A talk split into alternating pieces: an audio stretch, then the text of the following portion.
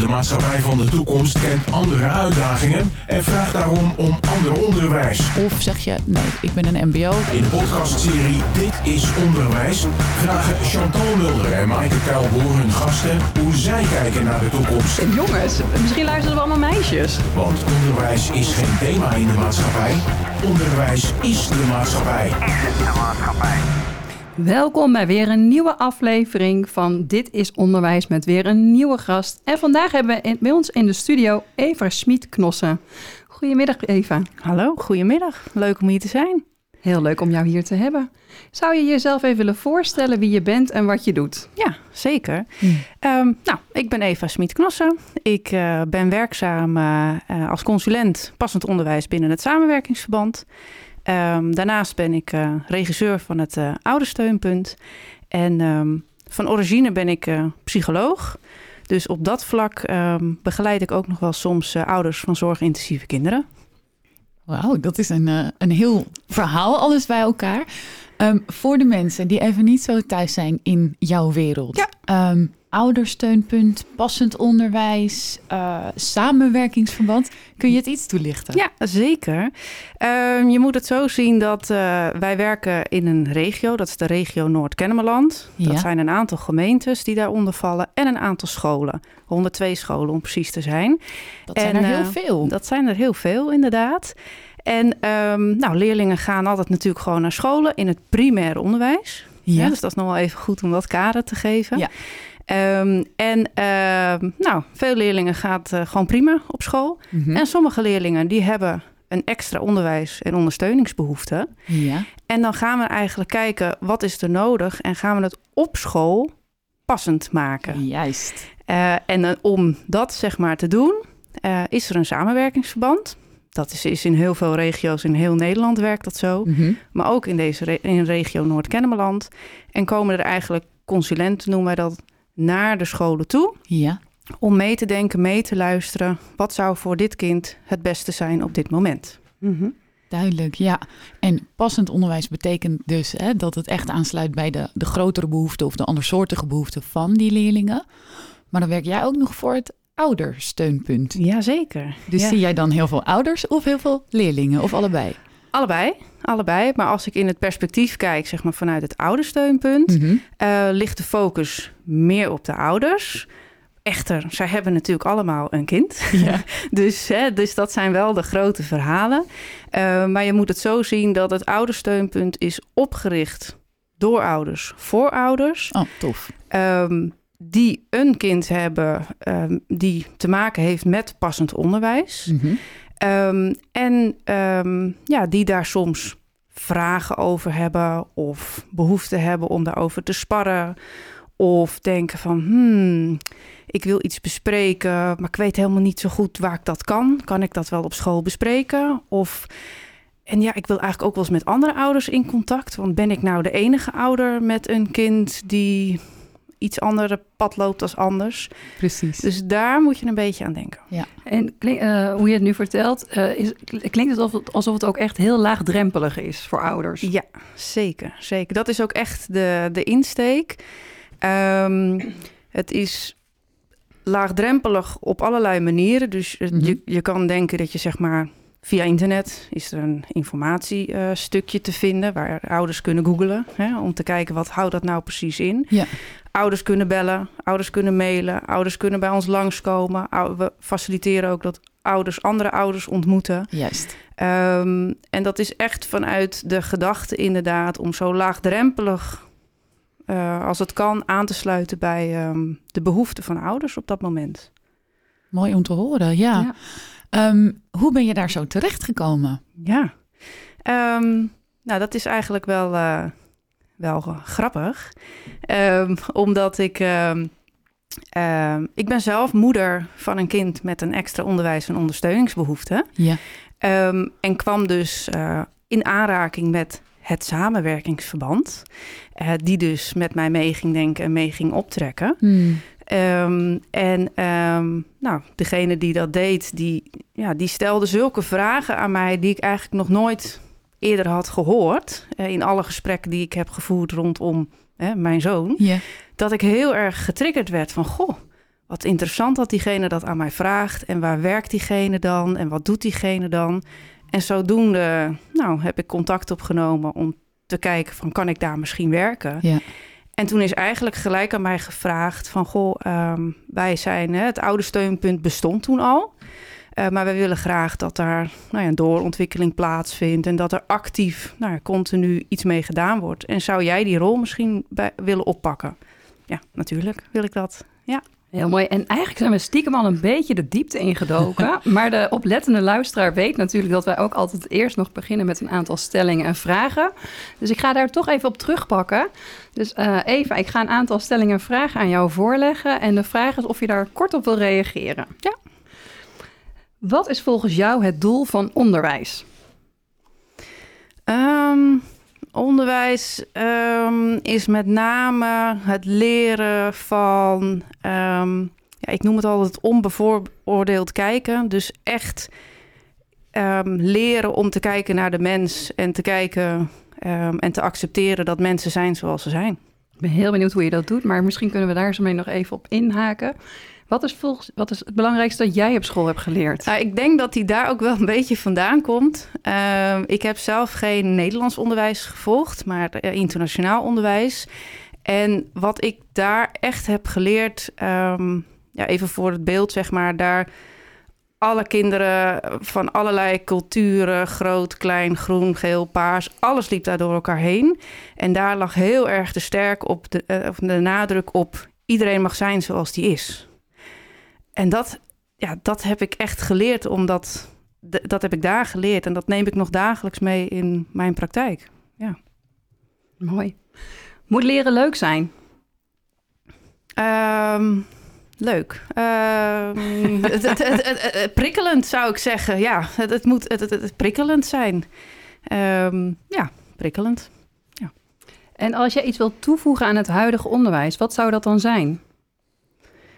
Um, ik, de, mijn wens zou zijn dat um, er minder, ja, hoe moet ik dat zeggen, met, met leerlingen gesleept wordt, maar meer met kennis gesleept wordt. ja, ik weet niet of hier gelijk al zo duidelijk is. maar, maar daar kunnen we zo meteen wel op doorvragen. Ja. Dus uh, voor nu is die even zo goed zoals die is. Hij is kort en krachtig. En uh, waar vind je dat we mee moeten stoppen? Um, ik, de, en dan zet ik de pet op inderdaad vanuit het, het stukje vanuit het oude steunpunt. Wat ik veel zie gebeuren is dat we allerlei cursussen en trainingen voor professionals hebben van hoe betrek ik de ouder erbij en hoe communiceer ik met de ouder. Terwijl ik eigenlijk altijd wil meegeven, ouders zijn al betrokken.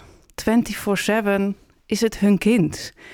Um, en dat vraagt iets andere kijk. Dus dat zou ik graag willen ja, ze zijn eigenlijk al de professional van hun kind. Ja, ja, en eigenlijk als onderwijs maak je een heel klein stukje uit van dat hele carrière, zeg maar, van die ouders of van dit kind. Dat vraagt een iets andere mindset. Dus okay. die uh, zou ik graag uh, willen toevoegen. Toetsen en cijfers geven werkt demotiverend. Um, ja, ja, ik denk dat het uh, met name als je in de categorie. Uh, je, maakt eigenlijk gelijk al een onderscheid. Uh, en dat begint echt al vanaf jongs af aan bij leerlingen. door dus nou ja, die cijfers te geven, of hoe je het ook wil noemen. onbewust maak je al onderscheid in leerlingen. En dat begint eigenlijk al heel vroeg. En um, nou ja, als ik de leerlingen ook spreek waar ik dan bij betrokken ben. Zie je dat dat er al, en dan heb ik het over leerlingen die 7, 8 zijn, zeg maar, zit het er al helemaal in. Um, zo vroeg al van ja, ik ben anders, want ik moet naar een ander groepje of een ander klasje, of ik moet extra dit of extra dat, dus ik zal wel minder zijn. Hm. Een overtuiging over zichzelf. Ja. ja. ja. Kinderen worden nu prima voorbereid op de uitdagingen van de toekomst. Mm, nee. Ik denk dat de toekomst iets anders vraagt dan um, wat wij ze nu aanleren. Okay. En als je dan uh, kijkt naar wat is de belangrijkste vaardigheid of competentie die iedere jongen naar zes, jongere na 16 jaar onderwijs moet hebben meegekregen? Uh, het echt leren luisteren. Hoor ik daarin dat die, dat die eigenlijk heel breed is, echt leren luisteren. Ik hoor we hebben het nu aan jongeren gekoppeld, maar als ik jouw verhaal een beetje hoor, geldt dat eigenlijk ook voor de professional en voor... Ja, eh, het, het, het is, het is namelijk iets. ehm, het is niet zomaar iets wat je even leert, zeg maar. En ik denk, mijn hypothese is als, als je daar jong genoeg bewustwording voor vraagt, over het Mhm. echt leren luisteren en het terug laat komen, dat je ja, kinderen of jongeren een rugzak meegeeft van, maar hoe doe ik dat nou echt, dat echt leren luisteren? En heb je daar dan ook ideeën over, hoe je dat zou doen? Ehm, nou ja, het, het begint al zeg maar dat je je bewust moet worden van jezelf dat wij als mens, ehm, gewoon dat zit in ons systeem, in ons lichaam, vrij snel geneigd zijn om te oordelen of mensen in hokjes te plaatsen. Dat zit nog in ons oermechanisme om te kijken van, hè, eh, is dit gevaarlijk of niet? Dus dat zit er heel erg in. Maar daardoor, hè, als je daar niet bewust van bent, maak je eigenlijk al hokjes en luister je al anders. Eh, en het, het is dus eigenlijk een stukje bewustwording op dat stuk al. Het is echt focus, als ik jou zo hoor, op eh, het ontwikkelen van meer soft skills, zoals ze dat tegenwoordig noemen. Bepaalde vaardigheden die zorgen dat jij beter met andere mensen samen kunt werken of leven. Ja, en eigenlijk ho- hoop je zeg maar door ehm, eh, daar veel aandacht voor te vragen en bewust mee Ja. om te gaan, dat het niet meer voelt als vaardigheden, maar dat het bijna gewoon helemaal in je zit. Dat het een tweede natuur gaat worden. Ja, ja. ja. Jij hebt zelf al in het voorgesprek al een klein beetje eh, achtergrond van jou meegekregen. Hè? Dat er een echt intrinsiek stuk motivatie in jou zit om bij het oudersteunpunt te werken. Ja. Als ouder van een kind met eh, andere behoeften of extra behoeften. Eh, maar je vertelde ook dat jij op een internationale school hebt gezeten. Ja. En dat je daar misschien die hele brede kijk Ja. hebt meegekregen. Kun je ons een beetje schetsen, want daar ben ik zoveel nieuwsgierig naar. eh, wat maakt dat internationaal onderwijs anders dan Nederlands onderwijs? Nou ja, als je erop zi- zit, dan weet je het niet. Want dit is jouw onderwijs, Ja. dus je weet niet beter, zeg maar. En degenen om mij heen, die gingen er ook allemaal naartoe. Dat is je Eh, norm. Precies, dus dat is mijn norm geweest. En nu ik natuurlijk zelf in het onderwijs werk, Mhm. ehm, zie ik de verschillen. En eh, de verschillen zijn met name dat zeg maar, het onderwijs wat ik heb gevolgd, ik ben daar gestart op mijn veertiende en ging weg toen ik 16 was. Ja. Dus die hele doorlopende lijn, zeg maar, of het overgang PO-VO-stuk, dus van primair onderwijs naar voortgezet Ja. onderwijs, dat was bij ons één klapdeur door. Ja. Dus dat vraagt Letterlijk. letterlijk, letterlijk, zeg maar. Dus dat maakte, zeg maar, dat wat we soms horen, wat spanningsvelden zijn, zeg maar, voor ouders of soort leerlingen, dat was er, zeg maar, niet bij ons. Dus dat is één ding. En ehm, het, nou ja, wat ik al zei, de verschillende culturen en dus ook de docenten waren allemaal verschillende culturen. En je was daar echt een soort community met z'n allen. Je at Ja. daar ook op school. Je maakte, hè, je begon om half negen, je was klaar om vijf uur. Ja. Ehm, dus het was, iedereen hoorde bij elkaar. Je, je at ook samen. Dus dat, ja, dat is echt wel iets anders dan, ehm, nou, op een gemiddelde eh, Nederlandse, als ik het zo... Ja, ik doe nu tussen haakjes, dat zien de luisteraars natuurlijk niet. Maar goed dat je het even toelicht. Eh, op een gemiddelde Nederlandse school, zeg maar, gaat. En, en ehm, ja, wij werken dus eh, ja, niet met cijfers. Mhm. Ook heel Ehm, anders dan Ook anders, zeg veel maar. Nederlands onderwijs. Ja. Ja. En ja, hoe het daar precies werkte met passend onderwijs, dat weet ik niet echt. Want je weet dat natuurlijk niet als je erop zit hoe dat dan gaat. Ja. Maar ja, bij ons zat iedereen gewoon in mijn klas. Niemand ging weg of... ehm, Precies. Nee hoor, dat werd gewoon... ehm, iedereen zat gewoon continu bij elkaar in de klas. Ja. Ja, Wat dat is- hoorde ik jou ook zeggen in jouw wens. Van, ehm, in plaats van dat we met kinderen slepen tussen haakjes... eh, zouden eigenlijk veel meer met kennis eh, geslepen moeten worden. Ja. Ja, kun, je dat- dat, kun je dat toelichten, hoe je dat bedoelt dan? Ja, dat is natuurlijk. ehm, kijk, het, het, het is vooral. Het is altijd maatwerk. Hè? Dus sommige kinderen ehm, vinden het heel erg prettig om juist even rustplekje ergens te hebben Mhm. binnen een school. Dus even uit de groep te gaan, zeg maar. Dus dat. Oké, maar we hebben natuurlijk ook de kinderen die naar speciaal onderwijs gaan of speciaal basisonderwijs gaan Ja. om, eh, nou, omdat ze daar dus iets kunnen bieden wat blijkbaar op dat moment op die school niet geboden kan worden.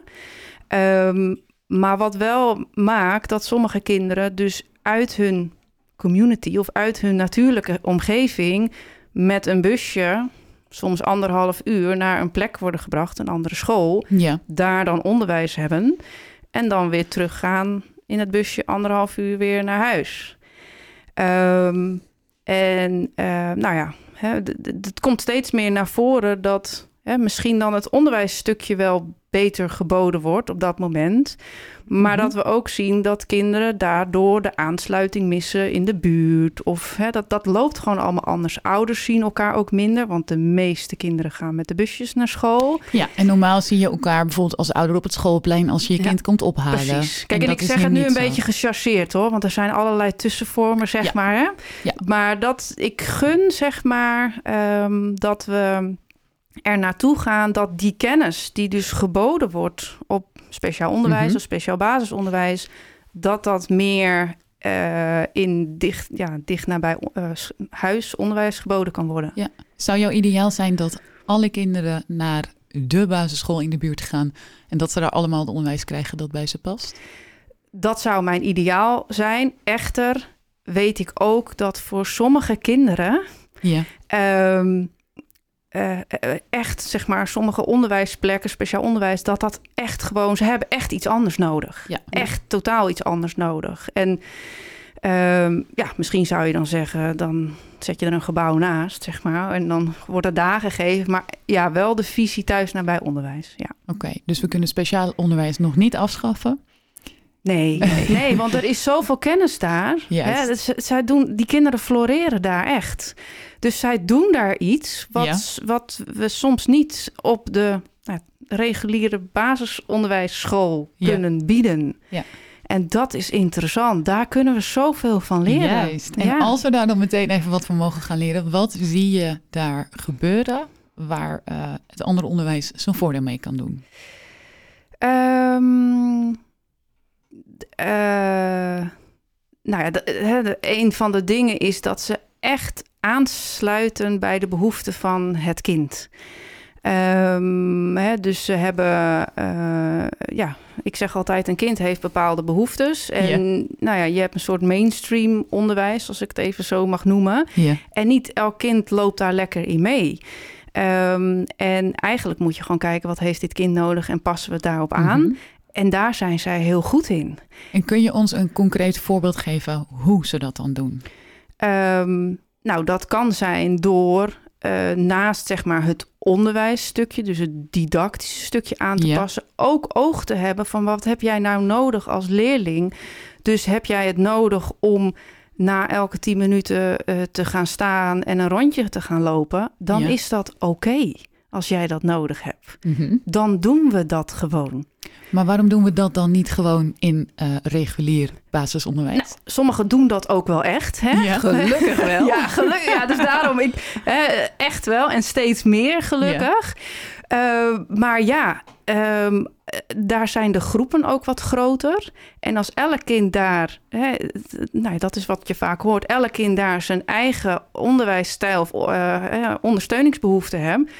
Dan kan het ook weer ja, best wel onoverzichtelijk worden. Als de een na tien minuten een rondje Mhm. mag lopen en de ander eh, heeft een behoefte om buiten te zitten. Of nou, Ja. noem het allemaal op. Dus als we in het basisonderwijs gewoon alle klassen even door de helft knippen, dan zijn we er. Dan gaat het goed komen. Nee, nee, niet. Nee, want het vraagt ook, zeg maar, ehm, ehm, hoe je ook kijkt hè, naar kinderen. Eh, wat ik veel zie gebeuren Ja. in de praktijk is dat, ehm, nou, een kind valt op.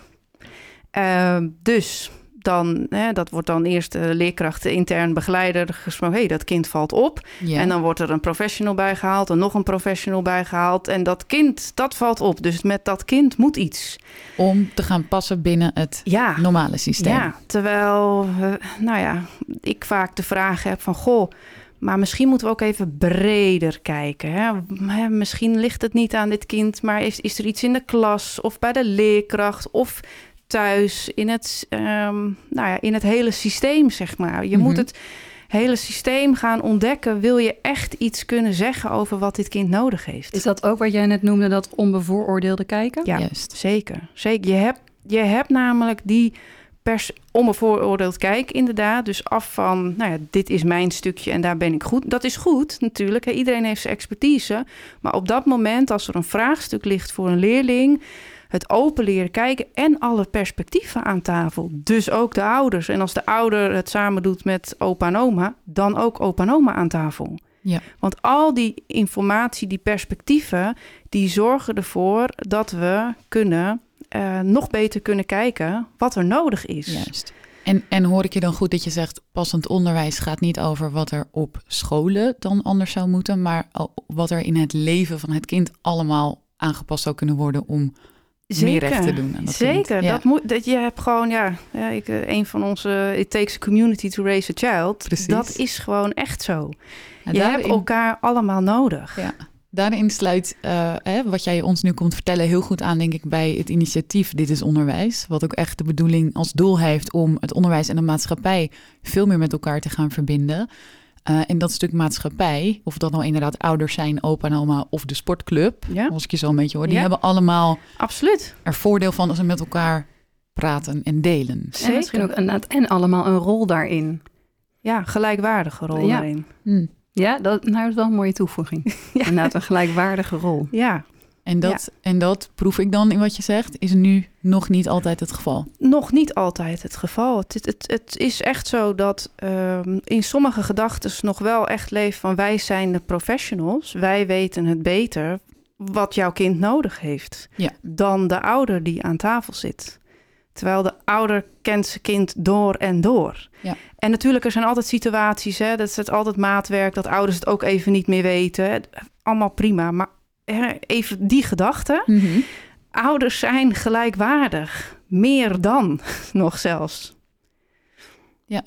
Als je het zou moeten indelen in categorieën, krijgt iedereen een gelijk stuk? Of eh, is ouder leidend daarna kind, daarna school? Of hoe zou je die Nou ja, het kind is leidend. Oké, dus kind op nummer één, Het kind op nummer één. ehm, en eh, eh, dan ouders. ouders op nummer twee. Ja, en dan de verschillende professionals of anderen die daar hè, iets met het kind eromheen staan. Duidelijk pleidooi. Ja. En eh, stel je voor nu, eh, eh, met- als dit speelt, welke rol zou jij daarin kunnen vervullen? Of aan- wel- wat zou je daaraan kunnen bijdragen? Nou ja, vanuit het oudersteunpunt hebben we eigenlijk twee ehm, ja, uitgangspunten. Het is dat we ehm, nooit iets overnemen van ouders. Dus we gaan echt op zoek. Wat heb jij als ouder nodig om in die rol versterkt te worden? Eh, en we zoeken heel erg de verbinding met de school, want daar moet het gebeuren. Ehm, dus wat we vanuit het oudersteunpunt doen, is die ouder versterken in zijn rol. Ehm, en dat kan op verschillende manieren. Dat kan door met ze in contact te komen. Eh, dat kan door met ze te sparren. Wij hebben ook ervaringsdeskundige buddies. Dus dat maakt zeg maar dat dat ouders zijn die al een soortgelijk traject hebben doorlopen en die dus mee kunnen optrekken. Ehm, dus dat is wat het oudersteunpunt daarin kan betekenen. Dankjewel. En dus mocht je luisteren en denken, hey, ik heb, ik heb daar een hulpvraag, eh daar kan je altijd contact zoeken met Eva. Eva, mag ik je heel hartelijk bedanken voor je uitleg en eh, je inspirerende woorden over de rol van de ouder en hoe kunnen we anders kijken naar kinderen? Zeker, jullie bedankt. Dankjewel. Ja, Graag gedaan. En ehm, mocht je meer willen weten, je kunt ons op allerlei manieren volgen. Via LinkedIn, Instagram of via ditisonderwijs.nl. Dit was Dit is Onderwijs. Een podcast waarin we proberen verbinding te maken tussen het onderwijs en de dag van morgen. En de dag daarna. Dit is Onderwijs is een samenwerking tussen Streekstad Centraal en ditisonderwijs.nl.